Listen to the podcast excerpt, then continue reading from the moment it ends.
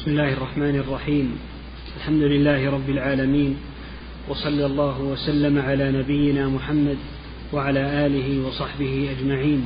قال المؤلف رحمه الله تعالى قال شيخ الإسلام في معنى قوله اتخذوا أحبارهم ورهبانهم أربابا من دون الله وهؤلاء الذين اتخذوا أحبارهم ورهبانهم أربابا حيث أطاعوهم في تحليل ما حرم الله وتحريم ما أحل الله يكونون على وجهين.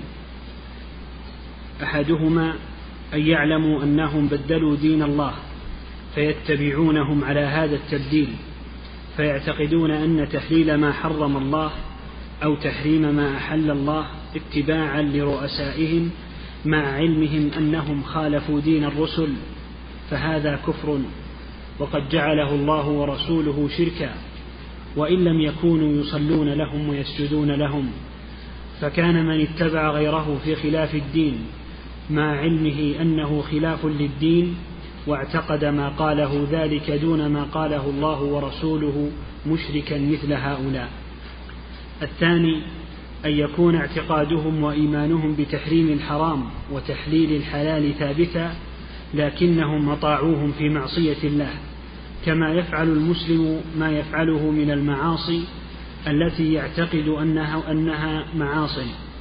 فهؤلاء لهم حكم أمثالهم من أهل الذنوب كما قد ثبت عن النبي صلى الله عليه وسلم أنه قال إنما الطاعة في المعروف. بسم الله الرحمن الرحيم. الحمد لله رب العالمين. صلى الله وسلم على نبينا محمد وعلى آله وأصحابه أجمعين.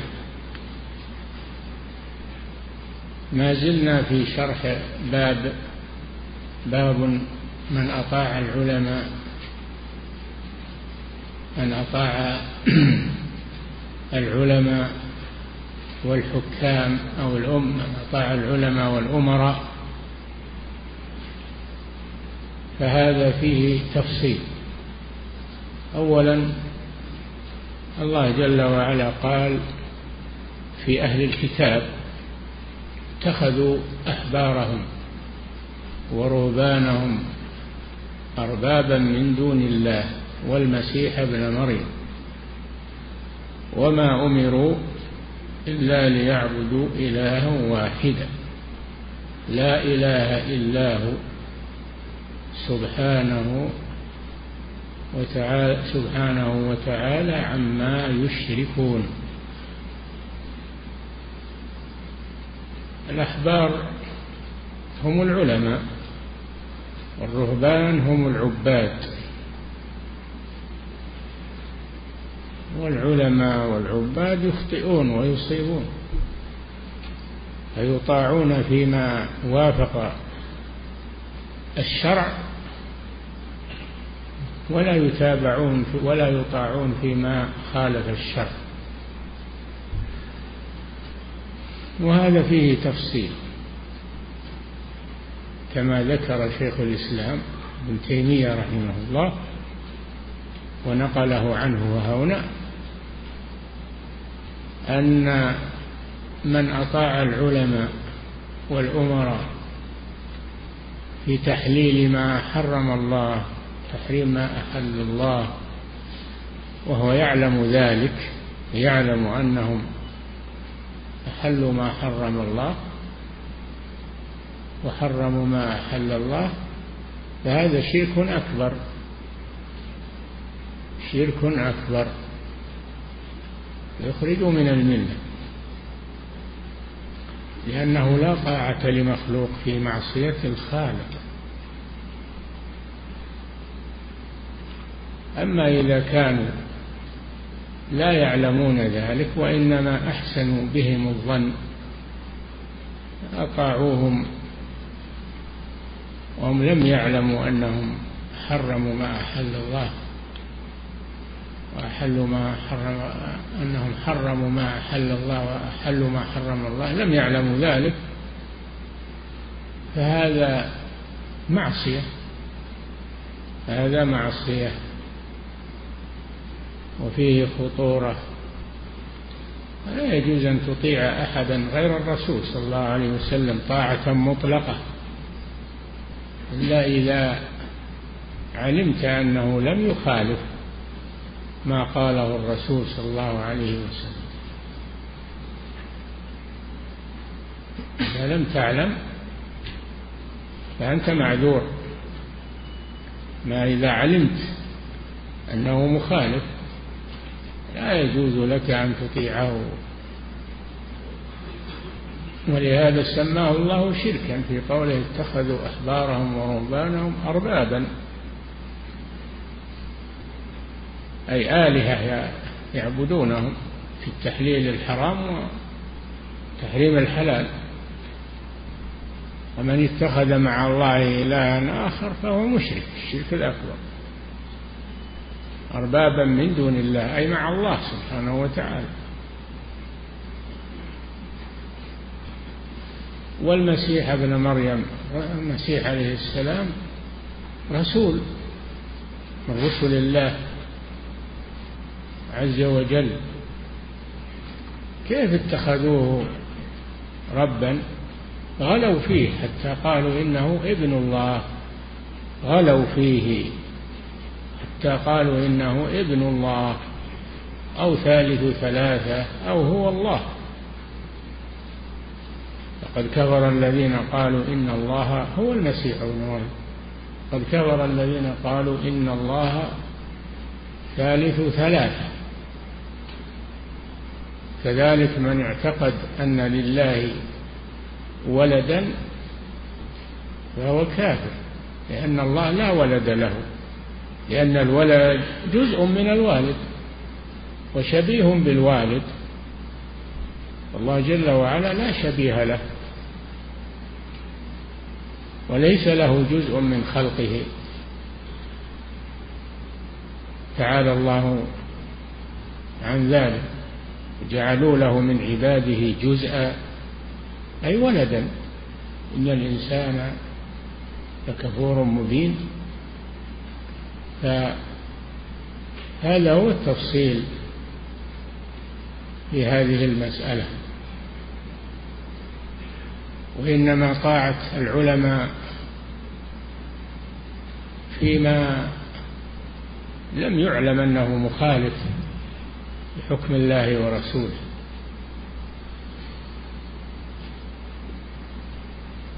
هذا هو التفصيل في هذه المسألة. نعم. وما أمروا إلا ليعبدوا إلها واحدا وهو الله سبحانه وتعالى. ثم نزه نفسه سبحانه وتعالى عما يشركون وسماه شركا. سمى طاعتهم فيما أحل الله حرم الله في تغيير الحلال والحرام سماه شركا. وسمى من أطاعهم أنه قد اتخذهم آلهة مع الله سبحانه وتعالى. نعم. ثم ذلك المحرم للحلال والمحلل للحرام إن كان مجتهدا قصده اتباع الرسول لكن خفي عليه الحق في نفس الأمر وقد اتقى الله ما استطاع فهذا لا يؤاخذه بخطئه. بل يثيبه على اجتهاده الذي أطاع به ربه. ولكن من علم أن هذا أخطأ فيما جاء به الرسول ثم اتبعه على خطئه وعدل عن قول الرسول فهذا له نصيب من هذا الشرك الذي ذمه الله. لا سيما إن اتبع في ذلك هواه ونصره باليد واللسان مع علمه بأنه مخالف للرسول. فهذا شرك يستحق صاحبه العقوبة عليه. نعم. بقي أخذ أقوال العلماء الاجتهادية الفقهية. العلماء يجتهدون في معرفة الأحكام الشرعية من الأدلة من الكتاب والسنة يجتهدون. ولهم أجر في ذلك. إن أصابوا فلهم أجران وإن أخطأوا فلهم أجر واحد. كما قال صلى الله عليه وسلم إذا اجتهد الحاكم فأصاب فله أجران وإن اجتهد وأخطأ فله أجر واحد والخطأ مغفور. إذا لم يتعمده قصده الحق معرفة الحكم الشرعي لكن أخطأه فهو مغفور له. مغفور له خطأه ومثاب على اجتهاده. هذا هو التفصيل في هذه المسألة. أما من يتعمد مخالفة الكتاب والسنة هذا ضال. وأيضا هو مضل لغيره. نعم. ولهذا اتفق العلماء على أنه إذا عرف الحق لا يجوز له تقليد أحد في خلافه. إذا علم. ولهذا اتفق العلماء على أنه إذا عرف الحق لا يجوز له تقليد أحد في خلافه. وإنما تنازعوا على جواز التقليد للقادر على الاستدلال. نعم. اتفق العلماء وأجمعوا على أنه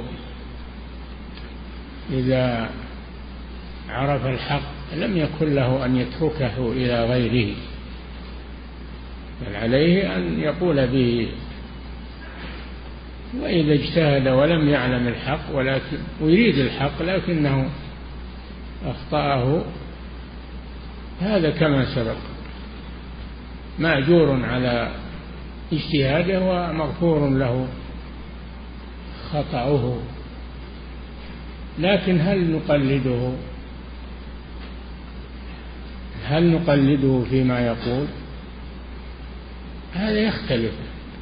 العالم لا يجوز له أن يقلد. عليه أن يطلب الحق هو. إن كان عنده من المجتهدين الاجتهاد المطلق كالأئمة الأربعة ومن قبلهم اجتهاد استنباط الأحكام من الأدلة له ذلك. وإن كان من العلماء الذين لم يتمكنوا من استنباط الأحكام فعليه أن يختار ما ترجح بالدليل. من يأخذ من أقوال العلماء ما ترجح بالدليل. هذا شأن العلماء.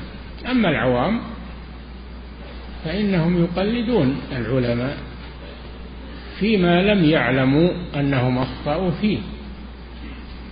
قال تعالى فاسألوا أهل الذكر إن كنتم لا تعلمون. نعم. فإذا الأحوال ثلاث. العامي يقلد العلماء. ليس له إلا ذلك. العالم الذي عنده تمكن من معرفة الدليل والترجيح وليس عنده اجتهاد مطلق يأخذ ما ترجح لديه بالدليل. المجتهد المطلق هذا يستعمل اجتهاده وقد يخطئ لكن مغفور له. إذا بذل وسعه في معرفة الحق وأخطأه فهو معذور. نعم. وإن كان عاجزا عن إظهار الحق الذي يعلمه فهذا يكون كمن عرف أن دين الإسلام حق وهو بين النصارى. فإذا فعل ما يقدر عليه من الحق لا يؤاخذ بما عجز عنه وهؤلاء كالنجاشي وغيره. نعم من عرف الحق وقدر على تنفيذه في الناس يجب عليه ذلك. أما من عرف الحق ولم يقدر على تنفيذه في الناس وهو من الولاة والحكام ولا يقدر فهذا ينفذ ما يقدر عليه. اتقوا الله ما استطعتم ولا يؤاخذ فيما لا يقدر عليه ولا يطيعونه فيه. مثل النجاشي رحمه الله. النجاشي كان نصرانيا. فأسلم. واتبع الرسول صلى الله عليه وسلم لكن الحبشة نصارى. رعيته نصارى. ولا يستطيع أن يغيرهم دفعة واحدة. فهذا ينفذ ما يقدر عليه. ويعذر فيما لا يقدر على تنفيذه مثل النجاشي رحمه الله. نعم. وقد أنزل الله في هؤلاء الآيات من كتابه كقوله وقد؟ وقد أنزل الله في هؤلاء الآيات من كتابه كقوله تعالى وإن من أهل الكتاب لمن يؤمن بالله أنزل الله في هؤلاء الذين يعرفون الحق ويتبعونه ولكن لا يقدرون على تنفيذه في الناس المخالفين لهم في الدين. أنزل الله فيهم وإن نعم. وقد أنزل الله في هؤلاء الآيات من كتابه كقوله تعالى وإن من أهل الكتاب لمن يؤمن بالله وما أنزل إليكم وما أنزل إليهم. خاشعين لله من أهل الكتاب من آمن بالرسول صلى الله عليه وسلم كما آمن بالرسل السابقين. هذا يؤتى أجره مرتين. يؤتيه الله أجره مرتين. أولئك يؤتون أجرهم مرتين بما صبروا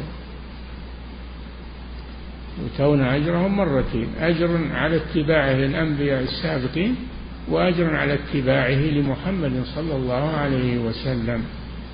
يا أيها الذين آمنوا هذا خطاب للنصارى. خطاب للنصارى. يا أيها الذين آمنوا اتقوا الله وآمنوا برسوله يعني محمد صلى الله عليه وسلم. هم مؤمنون من الأول. يا أيها الذين آمنوا خاطبهم الله بالإيمان. يا أيها الذين آمنوا اتقوا الله وآمنوا برسوله محمد صلى الله عليه وسلم. يؤتكم كفلين من رحمته ويجعل لكم نورا تمشون به ويغفر لكم. والله غفور رحيم. هؤلاء هم علماء أهل الكتاب الذين آمنوا بالرسول صلى الله عليه وسلم. يؤتيهم الله أجرهم مرتين. أما من كان متبعا للرسل من قبل ومات قبل بعثة الرسول صلى الله عليه وسلم هذا مسلم له أجره. لأنه لم يدرك محمدا صلى الله عليه وسلم وهو مؤمن بالرسل عليهم الصلاة والسلام. أما من أدرك محمدا صلى الله عليه وسلم من علمائهم ولم يؤمن به فهذا يدخل النار. كما قال صلى الله عليه وسلم لا يسمع بي يهودي ولا نصراني ثم لا يؤمن بالذي جئت به إلا دخل النار. قل يا أيها الناس إني رسول الله إليكم جميعا ورسول إلى جميع العالم. يجب اتباعه صلى الله عليه وسلم. نعم. وقوله وإذا سمعوا ما أنزل إلى الرسول ترى أعينهم تفيض من الدمع مما عرفوا من الحق. وقوله في مؤمن أهل الكتاب الذين آمنوا بمحمد صلى الله عليه وسلم مثل النجاشي وإذا سمعوا ما أنزل إلى الرسول محمد صلى الله عليه وسلم ترى أعينهم تفيض من الدمع مما عرفوا من الحق. يقولون ربنا آمنا فاكتبنا مع الشاهدين. هؤلاء هم النجاشي وأمثاله من مؤمن أهل الكتاب الذين يخشعون للقرآن إذا سمعوه نعم. وقوله ومن قوم موسى أمة يهدون بالحق وبه يعدلون. من قوم موسى وهم اليهود. أمة جماعة.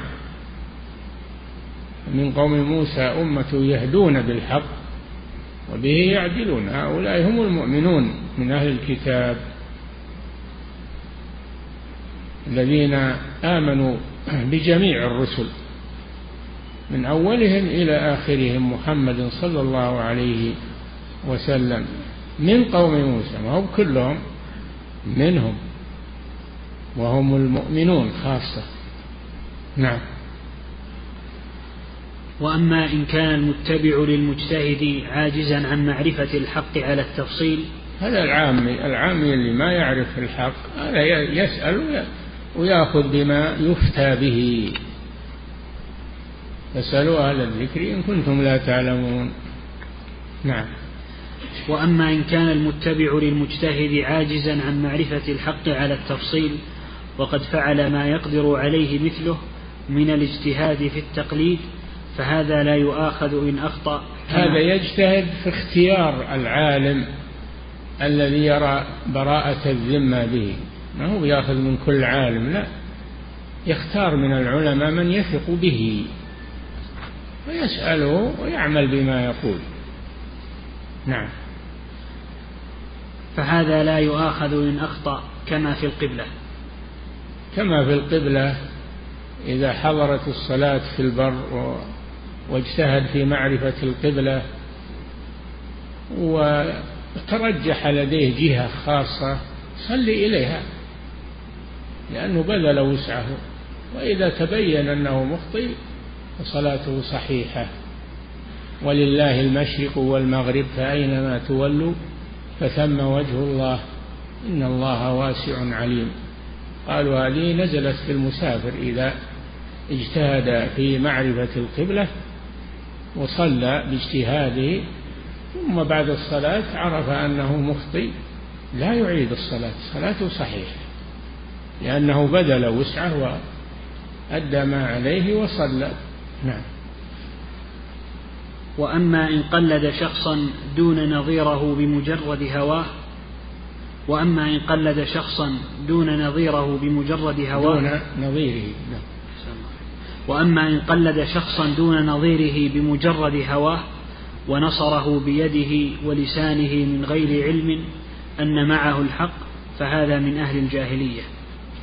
هذا تعصب هذا هو المتعصب الذي ينحاز إلى عالم معين دون نظر في حاله ودينه. هذا هذا من أهل الجاهلية المتعصب. نعم. وإن كان وإن كان متبوعه مصيبا لم يكن عمله صالحا. وإن كان هذا يعتبر من أهل الجاهلية وإن كان متبوعه مصيبا لأن العبرة بنية القلب كان قصده التعصب يقول أنا ما بغير فلان أصاب وأخطأ. فهذا متعصب والعياذ بالله وهذا دين الجاهلية. أما إذا كان ما يعلم أنه أخطأ وهو عامي ما يستطيع فهذا فرضه أن يسأل أهل العلم ويقلد. من أفتاه ممن يثق به. نعم. وإن كان متبوعه مصيبا لم يكن عمله صالحا. لأن العبرة بنية القلب. إذا اتبعه ما هو بطلب للحق وإنما تبعه متعصبا. فهذا من أهل الجاهلية. وإن كان هو وإن كان وإن كان متبوعه مصيبا لأن العبرة بنية التابع. نعم. وإن كان متبوعه مخطئا كان آثما. نعم. كمن قال في القرآن برأيه فإن أصاب فقد أخطأ وإن أخطأ فليتبوأ مقعده من النار. كما في الحديث من قال في القرآن برأيه وبما لا يعلم فليتبوأ مقعده من النار. لا يجوز يتكلم الإنسان في القرآن يفسر القرآن إلا بعلم لأنه يخبر عن مراد الله سبحانه وتعالى. فإن أتى بقول لا يوافق كلام الله إنما يتبع هواه فهذا مضل ضال مضل. وإن كان يتبع هواه وما تهواه نفسه فهذا قد اتخذ إلهه هواه وأضله الله على علم. نعم. وهؤلاء من جنس مانع الزكاة الذي تقدم فيه الوعيد ومن جنس عبد الدينار والدرهم والقطيفة والخميصة. أي نعم. كما قال صلى الله عليه وسلم تعس أي, أي هلك عبد الدينار وعبد الدرهم تعس عبد الخميصة يعني هلك خميصة نوع من اللباس والقطيفة نوع من الفرش يعني الذي همه الدنيا. همه الدنيا فيتبع ما ما تهواه نفسه ولو خالف دينه ويأخذ المال ولا ينظر هل هو حلال ولا حرام. هذا هو المذموم. وهذا هو عبد الدينار وعبد الدرهم وعبد الخميصة وعبد إن أعطي رضي وإن لم يعطى لم يرضى. نعم. فإن ذلك كما قال جل وعلا في المنافقين ومنهم من يلمزك في الصدقات. فإن أعطوا منها رضوا وإن لم يعطوا منها إذا هم يسخطون. فرضاهم وسخطهم إنما هو للدنيا. لا يرضون بشرع الله عز وجل ودينه وإنما يرضون بما يوافق رغباتهم وأهوائهم. نعم. فإن ذلك لما أحب المال منعه عن عبادة الله وطاعته صار عبدا له وكذلك هؤلاء. نعم. فيكون فيهم شرك أصغر ولهم من الوعيد بحسب ذلك. نعم. الذي يؤثر الدنيا على طاعة الله عز وجل هذا مشرك الشرك الأصغر. هذا مشرك الشرك الأصغر لأن الرسول سماه عبدا لها. نعم. وفي الحديث إن يسير إن يسير الرياء شرك. وهذا مبسوط. في الحديث أن النبي صلى الله عليه وسلم قال لأصحابه أخوف ما أخاف عليكم الشرك الأصغر. الشرك الأصغر وهو الرياء. يقوم الرجل فيصلي فيحسن صلاته لما يرى من نظر رجل إليه. هذا شرك. هذا شرك الرياء وهو يحبط العمل الذي خالطه وهو شرك أصغر. نعم. وفي الحديث إن يسير الرياء شرك. وهذا مبسوط عند النصوص التي فيها إطلاق الكفر والشرك على كثير من الذنوب. انتهى. اي نعم هذا كلام شيخ الإسلام ابن تيمية وهذا تفصيل جيد مفيد. نعم. وقال أبو جعفر بن جرير رحمه الله في معنى قول الله تعالى وتجعلون له أندادا أي وتجعلون لمن خلق ذلك أندادا وهم الأكفاء من الرجال. تطيعونهم في معاصي الله. انتهى. قال سبحانه وتعالى في سورة البقرة وإلهكم قال تعالى وفي سورة البقرة يا أيها الناس اعبدوا ربكم الذي خلقكم والذين من قبلكم لعلكم تتقون. الذي جعل لكم الأرض فراشا والسماء بناء وأنزل من السماء ماء فأخرج به من الثمرات والذي جعل لكم الأرض بساطا والسماء بناء وأنزل من السماء ماء فأخرج به من الثمرات رزقا لكم. فلا تجعلوا لله أندادا يعني شركاء وشبهاء. الند هو الشبيه والنظير. وأنتم تعلمون أنه لا ند له. تعلمون أن هذه الأشياء ما خلقها إلا الله سبحانه وتعالى. والمنفرد بالخلق وهو الذي يفرد بالعبادة. أفمن يخلق كمن لا يخلق؟ أفلا تذكرون؟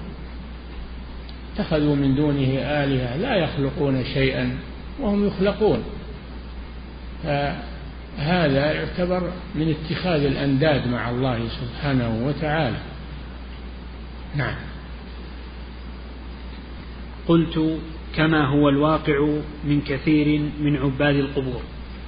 قلت هذا كلام الشيخ عبد الرحمن بن حسن في فتح المجيد وهذا الذي ذكره شيخ الإسلام ابن تيمية هو الواقع من كثير من عباد القبور. الذين يطلبون حوائجهم من الموتى ويتبركون بتربتهم وبقبورهم هؤلاء داخلون في هذا الوعيد وهم مشركون الشرك الأكبر. نعم. قال المصنف رحمه الله تعالى وقوله ومن الناس من يتخذ من دون الله أندادا يحبونهم كحب الله. قال العماد بن كثير رحمه الله تعالى يذكر الله حال المشركين به في الدنيا ومآلهم في الدار الآخرة حيث جعلوا لله أندادا أي أمثالا ونظراء يعبدونهم معه ويحبونهم كحبه وهو الله لا إله إلا هو ولا ضد له ولا ند له ولا شريك معه. وفي الصحيحين عن عبد نعم. الله نعم. في قوله سبحانه ومن الناس من يتخذ من دون الله أندادا أي شركاء لله عز وجل يحبونهم أي يحبون أندادهم كحب الله أي كما يحبون الله. وهذا شرك في المحبة والمحبة هي أعظم أنواع الطاعة من أعظم أنواع الطاعة وعبادة الرحمن غاية حبه. مع ذل عابده هما قطبان كما يقول ابن القيم وعليهما فلك العبادة دائر ما دار حتى قامت القطبان. فالمحبة هي أعظم أنواع العبادة. المشركون يشركون في المحبة فهم يحبون الله ويحبون معه غيره يحبونهم كحب الله. والذين آمنوا بالله وأخلصوا التوحيد أشد حبا لله لأن حبهم لله خالص وحب المشركين لله مشترك فحب المؤمنين لله أشد من حب الكافرين لله. هذا قول في تفسير الآية. والقول الثاني أن المشركين لا يحبون الله. وإنما يحبون أصنامهم وآلهتهم والمؤمنون يحبون الله سبحانه وتعالى. من الناس من يتخذ من دون الله من آه، ومن أندادا يحبونهم كحب الله أي كحب المؤمنين لله. يحبون أصنامهم كحب المؤمنين لله عز وجل. نعم. هم ما عبدوا الأصنام إلا لأنهم يحبونها. نعم. وفي الصحيحين عن عبد الله بن مسعود رضي الله عنه قال قلت يا رسول الله أي الذنب أعظم؟ قال أن تجعل لله ندا وهو خلقك. نعم. ابن مسعود رضي الله عنه سأل النبي صلى الله عليه وسلم قال يا رسول الله أي الذنب أعظم؟ أي أشد لأن الذنوب تتفاوت بعضها أعظم من بعض وأشد من بعض. أي الذنب أعظم؟ قال أن تجعل لله ندا أي شريكا وهو خلقك. وهذا الشريك لم يخلق. فتشرك العاجز مع القادر سبحانه وتعالى. أن تجعل لله ندا وهو خلقك. قلت ثم أي؟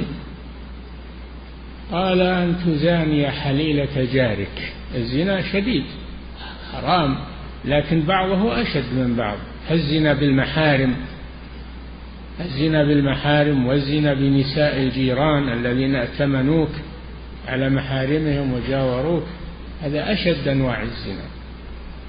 أن تزاني حليلة جارك. قلت ثم أي؟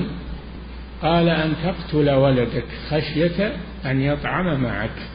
كانوا في الجاهلية يقتلون أولادهم خشية الفقر. يقتلون أولادهم خشية الفقر. ولا تقتلوا أولادكم من إملاق. يعني خشية الفقر. نحن نرزقهم وإياكم. إن قتلهم كان خطأ كبيرا. فأنزل الله تعالى مصداق ذلك في قوله والذين لا يدعون مع الله إلها آخر ولا يقتلون النفس التي حرم الله إلا بالحق ولا يزنون. ومن يفعل ذلك يلقى أثاما ضاعف له العذاب يوم القيامة ويخلد فيه مهانا إلا من تاب من تاب من الشرك وقتل النفوس والزنا قبل أن يموت تاب الله عليه. نعم. وقوله والذين آمنوا أشد حبا لله ولحبهم لله وتمام معرفتهم به وتوقيرهم وتوحيدهم لا يشركون به شيئا بل يعبدونه وحده ويتوكلون عليه ويلجؤون في جميع أمورهم إليه. ثم توعد تعالى نعم. المؤمنون يحبون الله ولا يحبون معه غيره من الأصنام وغيره يحبونهم معه. والحب يكون منه ما هو خاص بالله عز وجل وهو حب العبادة الذي معه ذل وانقياد. وحب طبيعي حب في الله من أجل الله مثل محبة الصالحين والأولياء محبة الرسل عليهم هذا من المحبة في الله. وحب طبيعي. مثل محبة الزوجة والمال والأصدقاء. هذا حب طبيعي لا ليس معه عبادة ولا ذل. هذا ما يدخل في أنواع الشرك. هذا ما يدخل لأنه حب طبيعي. نعم. وقوله والذين آمنوا أشد حبا لله الذين آمنوا أشد حبا لله من محبة المشركين لله. على القول بأن المشركين يحبون الله ولكن أشركوا معه غيره. وأما على القول الثاني المشركون لا يحبون الله فالذين آمنوا أشد حبا لله من محبة المشركين لأصنامهم. نعم. وقوله والذين آمنوا أشد حبا لله ولحبهم لله وتمام معرفتهم به وتوقيرهم وتوحيدهم لا يشركون به شيئا بل يعبدونه وحده ويتوكلون عليه ويلجؤون في جميع أمورهم إليه. يفردونه بالرغبة والرهبة والطاعة بل يستميتون في عبادته ويصبرون على القتل ويقدمون أنفسهم في جهاد الكفار. هذا كله من محبة الله عز وجل. نعم. ثم توعد تعالى المشركين الظالمين لأنفسهم بذلك فقال تعالى ولو يرى الذين ظلموا إذ يرون العذاب أن القوة لله جميعا. فقال بعضهم تقدير الكلام لو عاينوا العذاب لعلموا حينئذ أن القوة لله جميعا أي إن الحكم له وحده لا شريك له فإن جميع الأشياء تحت قهره وغلبته وسلطانه. وأن الله شديد العذاب كما قال تعالى فيومئذ لا يعذب عذابه أحد ولا يوثق وثاقه أحد. يقول لو علموا ما يعاينون هناك وما يحل بهم من الأمر الفظيع المنكر الهائل على شركهم وكفرهم لانتهوا عما هم فيه من الضلال. ثم أخبر عن كفرهم. لو, لو تصور الكفار الذين يعبدون الأصنام ويحبون. لو تصوروا العواقب وفكروا في الآخرة ولو يرى الذين ظلموا إذ يرون العذاب يوم القيامة. ولو يرى الذين ظلموا إذ يرون العذاب وأن القوة لله جميعا لو يرون هذا ويتصورونه لأقلعوا عن محبة غير الله محبة أصنام. ولو يرى الذين ظلموا إذ يرون العذاب وأن القوة لله جميعا. فلا أحد يساوي الله في قوته وقدرته وخلقه وتدبيره. لو يرون هذا المصير لأعرضوا عنه لكنهم غفلوا عن الآخرة وأعرضوا عنها ونسوها والعياذ بالله. إذ تبرأ الذين اتبعوا من الذين اتبعوا يوم القيامة يتبرأ المتبوع من التابع يتبرأ المعبودون ممن عبدهم في الدنيا يتبرأ الذين اتبعوا من الذين اتبعوا ورأوا العذاب وتقطعت بهم الأسباب. وقال الذين اتبعوا لو أن لنا كرة أي رجوعا إلى الدنيا لنتبرأ منهم كما تبرأوا منا. كذلك يريهم الله أعمالهم حسرات عليهم. وما هم بخارجين من النار. لم يتصوروا والعياذ بالله هذا المصير وهذه العاقبة وأن كل من عبدوهم يتبرؤون منهم يوم القيامة. المعبودون يتبرؤون ممن عبدهم يوم القيامة ويقولون ما أمرناهم بذلك ولا رضينا بهذا. وإنما هم فعلوا هذا بدون رضانا وبدون آه، أمرنا لهم بذلك. وهذا ينطبق على الملائكة الذين يعبدون من دون الله وينطبق على الأولياء والصالحين الذين يعبدهم القبوريون يتبرؤون من هؤلاء يوم القيامة. نعم. ثم أخبر عن كفرهم بأوثانهم وتبرؤ المتبوعين من التابعين. فقال تعالى إذ تبرأ الذين اتبعوا من ال... إذ تبرأ الذين اتبعوا من الذين اتبعوا. تبرأت منهم الملائكة الذين كانوا يزعمون أنهم كانوا يعبدونهم في الدار الدنيا. ويوم, يحشر ويوم يحشرهم آه، ويوم يحشرهم وما يعبدون من دون الله. فيقول وأنتم أضللتم عبادي هؤلاء؟ قالوا آه، بل هم قالوا سبحانك. قالوا ويوم يحشرهم جميعا. ثم يقول للذين أشركوا ثم يقول أنتم أضللتم عبادي هؤلاء. فيتبرؤون من ذلك يقولون أبدا ما أمرناهم ولا رضينا باتباعهم لنا وطاعتهم وعبادتهم لنا. هم الذين فعلوا ذلك. يتبرؤون منهم. أشد ما يكون المشركون حاجة إلى متبوعيهم أن ينقذوهم. حتى الشيطان يتبرأ من هؤلاء في يوم القيامة. وقال الشيطان لما قضي الأمر إن الله وعدكم وعد الحق ووعدتكم فأخلفتكم وما كان لي عليكم من سلطان إلا أن دعوتكم فاستجبتم لي فلا تلوموني ولوموا أنفسكم ما أنا بمصرخكم أي منقذكم وما أنتم بمصرخي يعني مغيثي وأنا لا أغيثكم مما وقعتم فيه هذا زيادة تحسر والعياذ بالله إني كفرت بما أشركتموني من قبل. إن الظالمين لهم عذاب أليم. هذا ما يؤول إليه الأمر. نعم. فقال, فقال تعالى إذ تبرأ الذين اتبعوا من الذين اتبعوا تبرأت منهم الملائكة الذين كانوا يزعمون أنهم كانوا يعبدونهم في الدار الدنيا. فتقول الملائكة تبرأنا إليك ما كانوا إيانا يعبدون. ويقول نعم. ويقول سبحانك أنت ولينا من دونهم بل كانوا يعبدون الجن أكثرهم بهم مؤمنون. يعبدون الجن يعني الشياطين. هم الذي أمرتهم بهذا هم الشياطين. نحن ما أمرناهم. حاشا وكلا أن الملائكة يأمرون بالشرك وعبادة غير الله سبحانه وتعالى. تبرأنا إليك ما كانوا إيانا يعبدون. نعم.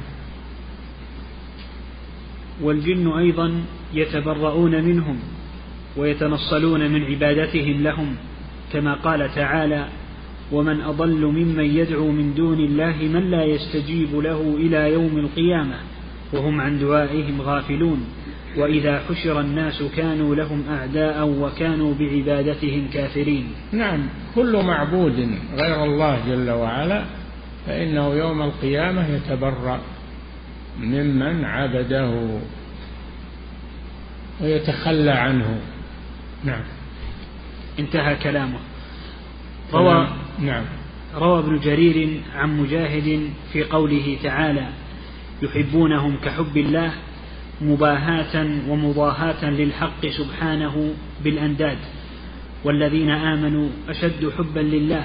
فالمشركون يضاهون الأصنام بالله عز وجل ويسوون بينها وبين الله عز وجل ولذلك عبدوها. نعم. والذين آمنوا أشد حبا لله من الكفار لأوثانهم. والذين آمنوا أشد حبا لله من محبة الكفار لأوثانهم. نعم. قال المصنف رحمه الله تعالى ومن, الأمور المبينة لتفسير التوحيد. هذا كلام الشيخ محمد بن عبد الوهاب المصنف هو الشيخ. نعم. قال المصنف قال المصنف رحمه الله تعالى ومن الأمور المبينة لتفسير التوحيد وشهادة أن لا إله إلا الله آية البقرة في الكفار الذين قال الله تعالى فيهم وما هم بخارجين من النار نعم. ذكر أنهم يحبون أندادهم كحب الله فدل على أنهم يحبون الله حبا عظيما فلم يدخلهم في الإسلام.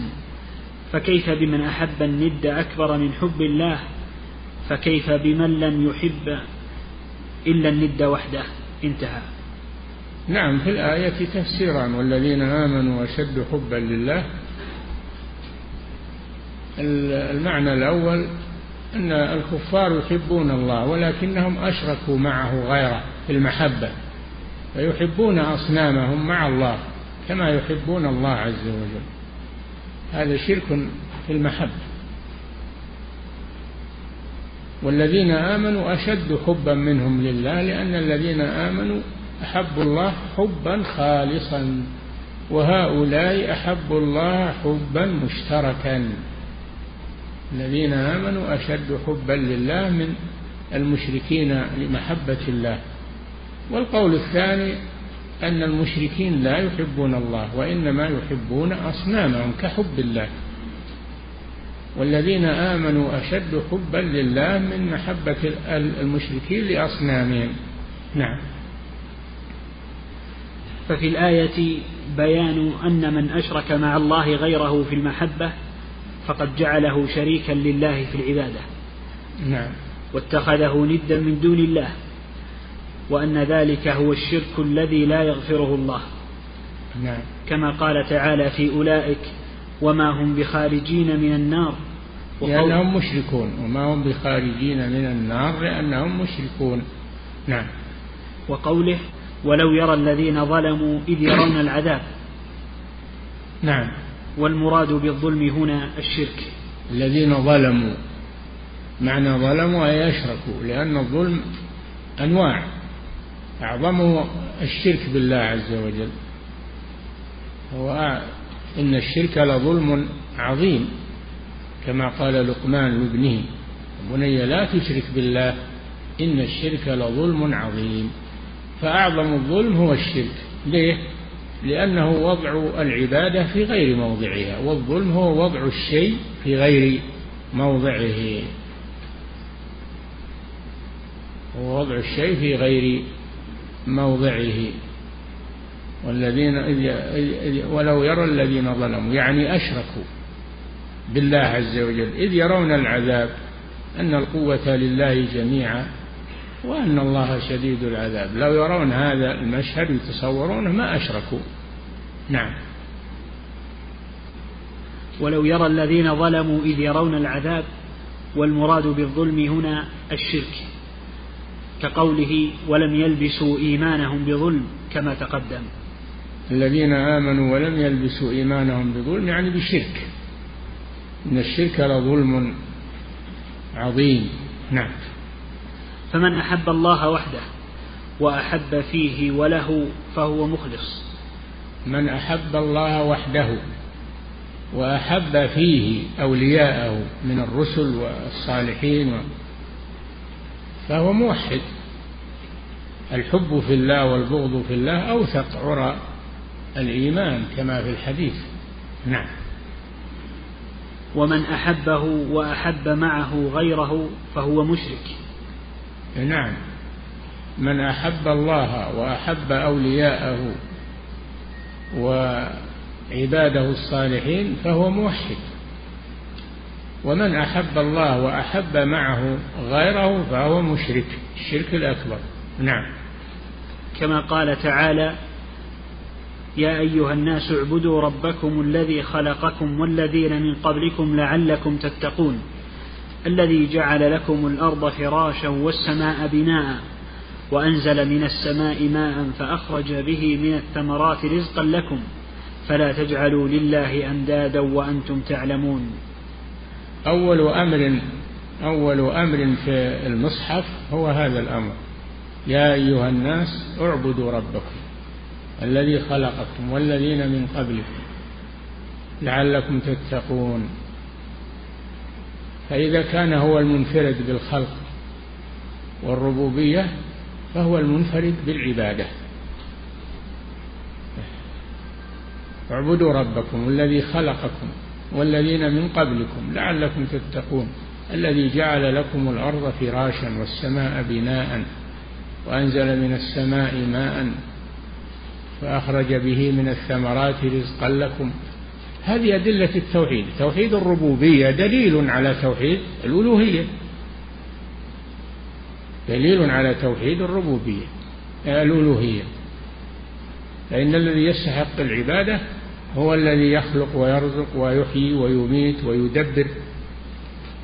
الذي خلقكم والذين من قبلكم لعلكم تتقون. الذي جعل لكم الأرض فراشا تمشون عليها بسطها لكم تمشون عليها وتنامون عليها وتبنون عليها وتستقرون على ظهرها والسماء بناء يعني سقفا وجعلنا السماء سقفا محفوظا والسماء بناء وأنزل من السماء ماء وهو المطر والمراد بالسماء هنا السحاب سمي سماء لأنه مرتفع وكل ما علا وارتفع فهو سماء فالسماء على قسمين السماء المبنية وهي السبع الطباق والسماء التي هي بمعنى الارتفاع.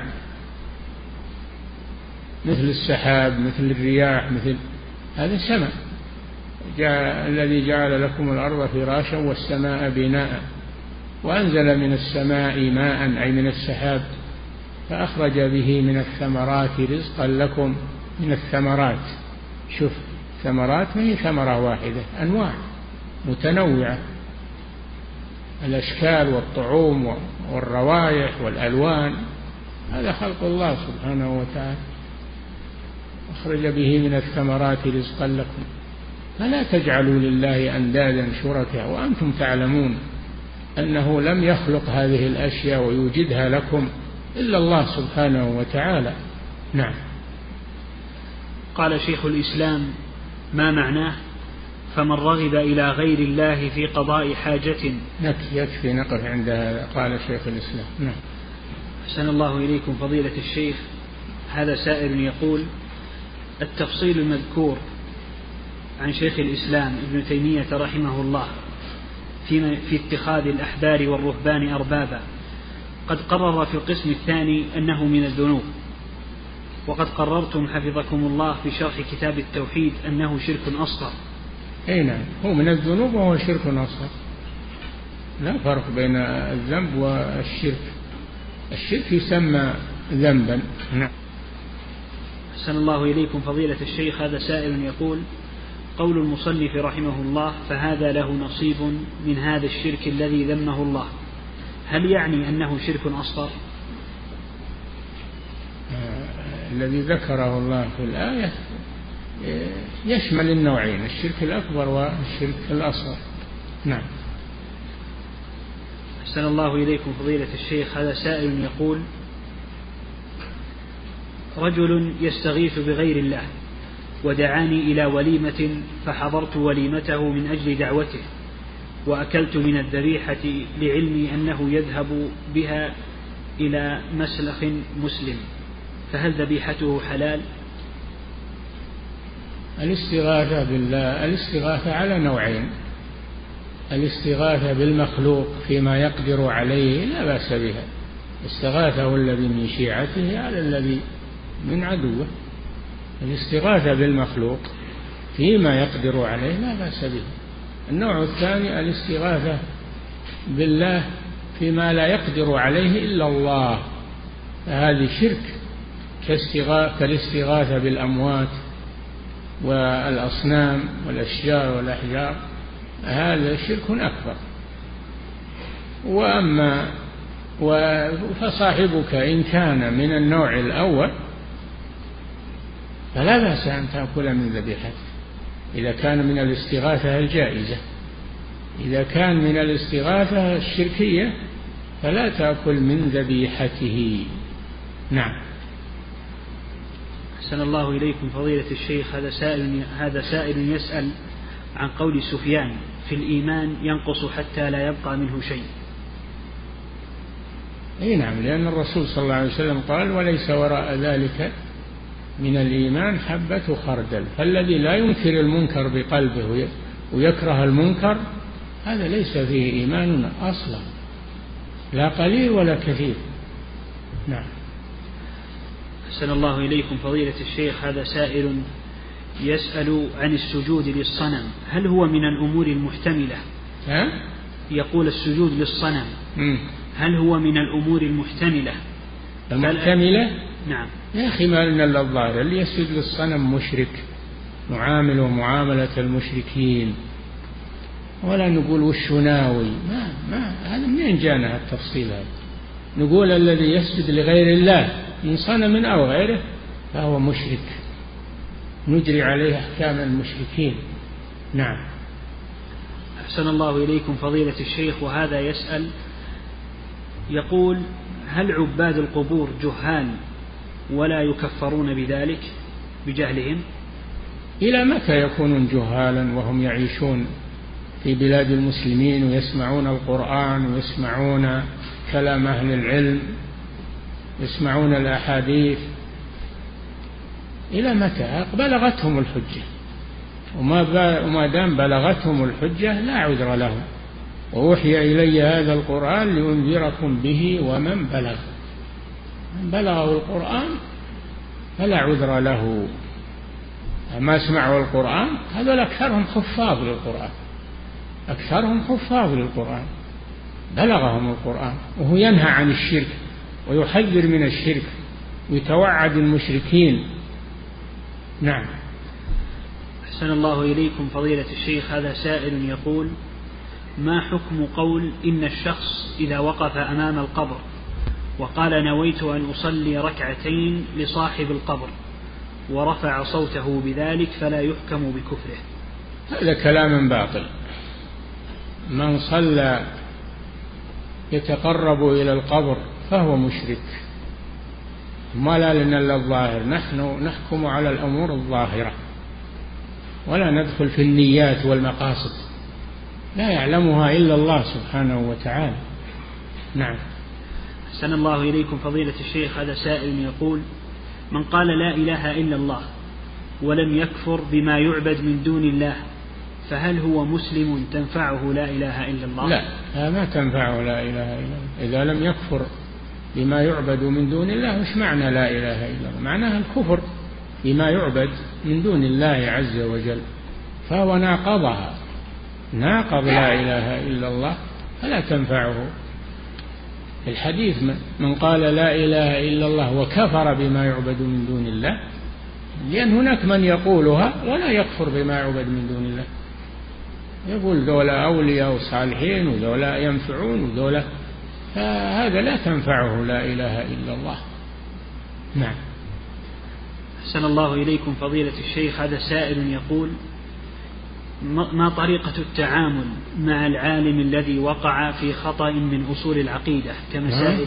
مع مع, مع أحسن الله إليكم. يقول ما هي طريقة التعامل مع العالم الذي وقع في خطأ من أصول العقيدة؟ يبين له. يبين له هذا الخطأ ينبه عليه ربما يكون أنه غافل وإلا ناسي وإلا يبين له هذا. نعم. أحسن الله إليكم فضيلة الشيخ هذا سائل يقول هل الاجتهاد في المسائل الاعتقادية والخطأ فيها والخطأ فيها يكون الشخص مغفورا له أو لا؟ إيش؟ يقول هل الاجتهاد في المسائل الاعتقادية ليش المسائل العقدية الاعتقادية. يا أخي العقيدة ما بها اجتهاد توقيفية. الاجتهاد إنما هو في المسائل الفقهية العملية. أما العقيدة فهي توقيفية ليس فيها اجتهاد. نعم. أحسن الله إليكم. هذا سائل يقول هل نستطيع أن نقول إن في زماننا مؤمنون من أهل الكتاب كالنجاشي رحمه الله؟ الله أعلم يا أخي. ما ندري. نعم. أحسن الله إليكم فضيلة الشيخ. لكن من لم يؤمن بالرسول محمد صلى الله عليه وسلم فهو كافر. ولو كان يؤمن بالله ويتبع الرسل السابقين إذا لم يؤمن بالرسول فهو كافر. نعم. أحسن الله إليكم. أحسن الله إليكم فضيلة الشيخ. هذا سائل يقول ما حكم من أطاع البشر في التحليل والتحريم؟ ولكنه يعتقد أن هذا التحليل والتحريم خلاف حكم الله. إذا كان يعلم هو الكلام على أنه يعتقد الكلام على أنه يعلم أنهم أحلوا ما حرم الله وحرموا ما أحل الله فأطاعهم في ذلك. إن أطعتموهم إنكم لمشركون. لا يجوز. نعم. أحسن الله إليكم فضيلة الشيخ. هذا سائل يقول ذكرت أن الناس ثلاثة أصناف عامي وعالم ومجتهد مطلق. ماذا عن طلب عامي وين؟ وعالم. ها؟ وعالم. عالم؟ نعم. إيه عالم يعلم الأدلة والترجيح. يعلم الأدلة والترجيح. نعم. يقول أحسن الله إليكم ماذا عن طلبة العلم في أي الأصناف الثلاثة؟ طلبة العلم أنت تنزلهم هل هم هل هم عوام ولا يعرفون شيء أو أنهم علماء ويعرفون الأدلة والترجيح أو أنهم من أهل الاجتهاد المطلق. ما في أحد الآن فيما نعلم من أهل الاجتهاد المطلق. إنما يكفي أن يكون عالما بالأدلة والترجيح والأخذ بالراجح. نعم. أحسن الله إليكم فضيلة الشيخ هذا سائل يقول ما المراد لأن الاجتهاد المطلق له شروط تراها الأصوليون ما تنطبق على كل أحد. نعم. أحسن الله إليكم يقول ما المراد بالشرك الذي ذكره شيخ الإسلام في من اتبع أحدا من أهل العلم في المسائل الاجتهادية رغم علمه بمخالفة العقيدة في ذلك. إذا كان يعلم أنه مخطئ وأنه لا يجوز له أن يتبعه ولا أن يأخذ قوله فإن أخذه فإن هذا نوع من الشرك.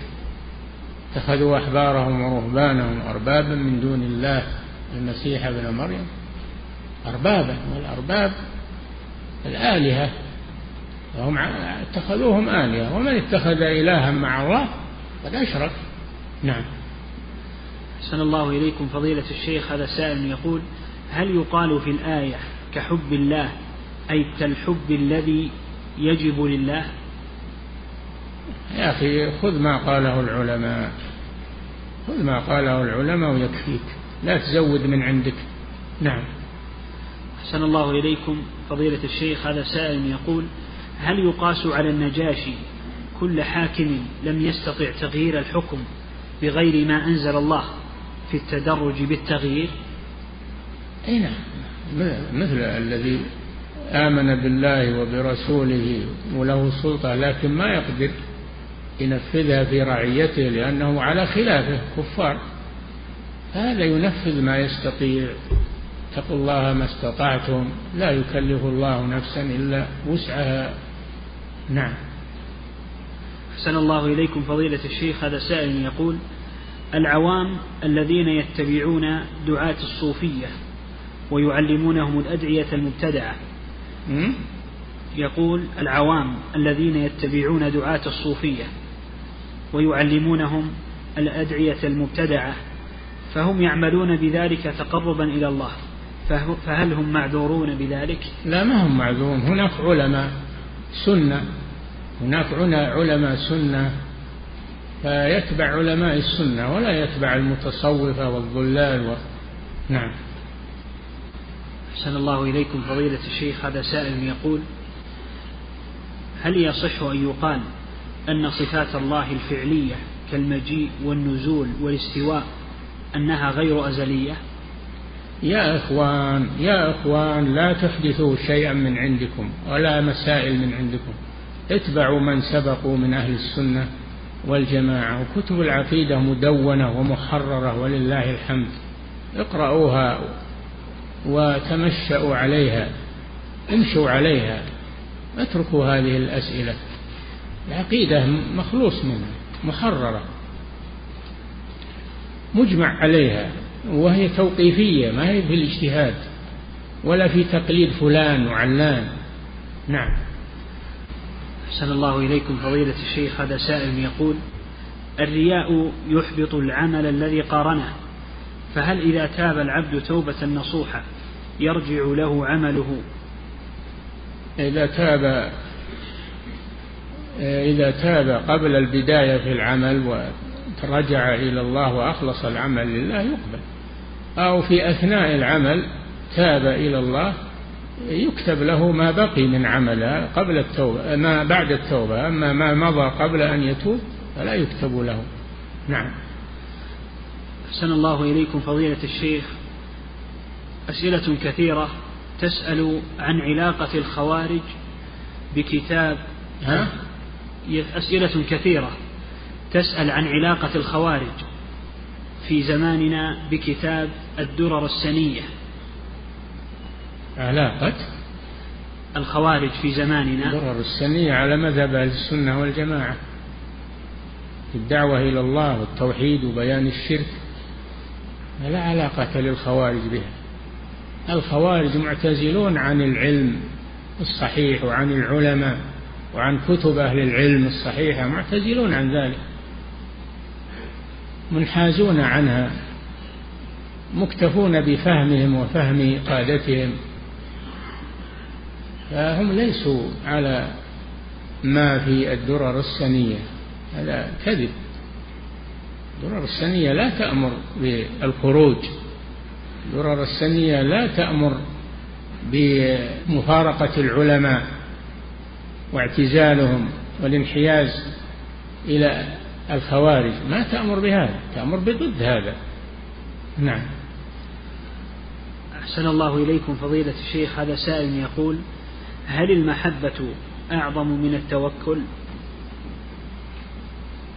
التوكل نتيجة للمحبة. التوكل نتيجة للمحبة. تابع للمحبة. نعم. أحسن الله إليكم فضيلة الشيخ. هذا سائل يقول معلوم أن البدعة أعظم إثما من المعاصي. فكيف الجمع بين هذا وبين الحديث؟ أي الذنب أعظم؟ وذكر بعد الشرك الزنا. نعم. الزنا والعياذ بالله في مفاسد ولا تقربوا الزنا إنه كان فاحش لا تقربوه ما قال لا تزنوا فقط قال لا تقربوه اترك الوسائل التي تؤدي إلى الزنا من النظر إلى النساء من تبرج النساء من مخالطة النساء كل الوسائل التي تفضي إلى الزنا. اجتنبها وابتعد عنها. فهو ذنب عظيم من أكبر الكبائر كما في هذا الحديث لأنه يخلط الأنساب لأنه يضيع آه، المجتمع لأنه يجلب الأمراض الفتاكة إنه كان فاحشة وساء سبيلا. نعم. أحسن الله إليكم فضيلة الشيخ. هذا سائل يقول هل من ينضم للجماعات والفرق الخارجة عن السنة مع علمه بخطئهم يكون من الذين اتخذوا أحبارهم ورهبانهم أربابا من دون الله؟ نعم. هو رأسهم هو رأس الذين اتخذوا أحبارهم ورهبانهم أربابا من دون الله. نعم. أحسن الله إليكم فضيلة الشيخ هذا سائل يقول إذا أخطأ العالم هل تترك أقواله جملة؟ لا يؤخذ الصواب يؤخذ الصواب ما أصاب الكتاب والسنة يؤخذ ممن جاء به ويترك الخطأ. نعم. أحسن الله إليكم فضيلة الشيخ. هذا سائل يقول أبدأ عملا صالحا بنية حسنة ثم مع مرور الشهور والليالي تضمحل النية فلا أدري أهي لله يكون عندك وسواس. أخلص النية لله واستمر في العمل. ولا يكون عندك وساوس تغيرت النية أو كذا أو اترك الوساوس. نعم. أحسن الله إليكم فضيلة الشيخ. هذا سائل يقول ما صحة عبارة يا سبحان الله عند التعجب؟ اي نعم يا سبحان الله. ما هو بهذا نداء هذا تنزيه لله عز وجل. تنزيه لله عز وجل عن كل نقص كل عيب. نعم. أحسن الله إليكم فضيلة الشيخ هذا سائل. سواء قلت سبحان الله أو يا سبحان الله معنى واحد. نعم.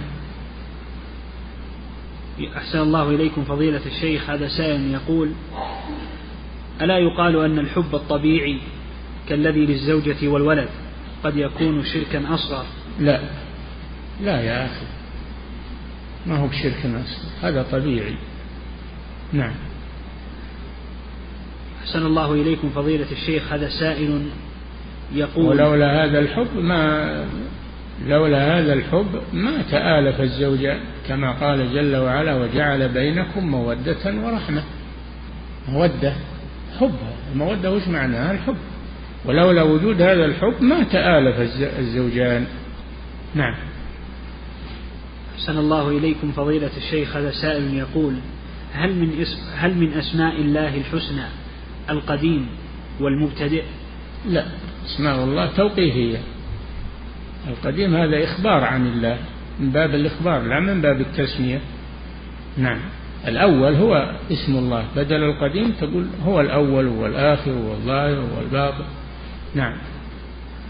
أحسن الله إليكم فضيلة الشيخ هذا سائل يقول هل هناك فرق بين عبارة السجود للصنم وعبارة السجود إلى الصنم؟ يا أخوان اتركوا هالمسائل الخرابيط هذه. السجود للصنم أو إلى الصنم سواء عبادة للصنم. نعم. أحسن الله إليكم فضيلة الشيخ. هذا سائل يقول هل مقابلة الكفار في أمر في أمر السياسة تعتبر من الولاء لهم؟ هل؟ هل مقابلة الكفار في أمر السياسة تعتبر من الولاء لهم؟ مقابلة إيش؟ السيا... الكفار كيف مقابلة؟ ما أدري وش المقابلة نعم أحسن الله إليكم فضيلة الشيخ هذا سائل يقول ما حكم طاعة ولي الأمر في تحليل ما حرم الله ما يجوز لا طاعة لمخلوق في معصية الخالق حتى الوالد إذا أمرك بمعصية الله وإن جاهداك على أن تشرك به ما ليس لك به فلا تطعهم ما يجوز طاعة مخلوق في معصية الخالق مهما كان. نعم. أحسن الله إليكم فضيلة الشيخ. هذا سائل يقول رأيت رجلا في الطواف وعليه تميمة فنصحته أن ينزعها فرفض فنزعتها منه بالقوة فهل فعلي صحيح؟ التميمة وش فيها؟ فيها قرآن ولا فيها شرك ولا ولا فيها إذا كانت من القرآن هي محل خلاف بين العلماء. وأما إذا كان فيها شرك أو دعاء لغير الله فهي شركية. تناصحه في نزعها وإذا لم يستجب شوف مثلا من له سلطة ينزعها منه. أما أن تنزعها فهذا يحدث شرا أو يحدث فتنة. ربما ضربك ربما انتقم منك. نعم. قال صلى الله عليه وسلم من رأى منكم منكرا فليغيره بيده. هذا إذا كان لك سلطة فإن لم يستطع فبلسانه. يكفي النصيحة والموعظة والبيان. فإن لم يستطع فبقلبه. نعم. أحسن الله إليكم فضيلة الشيخ هذا تغيير باليد هذا للسلطان ونواب السلطان. نعم. أحسن الله إليكم فضيلة الشيخ هذا سائل يقول هل المذهب الأشعري مأخوذ من فقه الصحابي أبي موسى الأشعري رضي الله عنه؟ هل إيش؟ المذهب الأشعري. لا يا أخي. أبو الأشعري أبو موسى الأشعري صحابي جليل بريء من مذهب الأشاعرة. إنما نسبوا إليه يقولون لأن أبا الحسن الأشعري من ذريته والأشعرية قوم من اليمنيين. قبيلة من اليمنيين قال لهم الأشعريين. نعم. أحسن الله إليكم فضيلة الشيخ هذا سائل يقول متى يحذر ممن وقع في بدعة؟ متى يحذر ممن وقع في بدعة إذا كان على عقيدة أهل السنة والجماعة في الجملة؟ ما يكفي أنه على مذهب أهل السنة والجماعة الجملة وهو عنده مخالفات يبين له المخالفات وينصح بتركها. نعم. أحسن الله إليكم فضيلة الشيخ هذا سائل يقول هل يصح القول بأنه لا يلزم إذا ترضينا عن صحابي أن يكون مرضيا عنه؟ إيش الكلام الفاضي؟ الصحابة مرضي عنهم. لقد رضي الله عن المؤمنين يبايعونك تحت الشجرة. السابقون الأولون من المهاجرين والأنصار والذين اتبعوهم بإحسان رضي الله عنهم ورضوا عنه اتركوا الكلام هذا الفلسفات. نعم. أحسن الله إليكم فضيلة الشيخ. هذا سائل يقول هل إذا تعمد الشخص مخالفة الكتاب والسنة يكفر بذلك؟ هل؟ إذا تعمد الشخص مخالفة الكتاب والسنة يكفر بذلك؟ هذا يختلف اختلاف إن كان أنه فعل ذلك وهو يعلم أنه مخالف ولكن غلبه هواه غلبه هواه أو شهوته هذا عاصي. أما إذا كان متعمدا وهو يعلم أن هذا لا يجوز يتعمد هذا عليه خطر من من الكفر. نعم. إنتهى. الله تعالى أعلم وصلى الله وسلم على نبينا محمد وعلى آله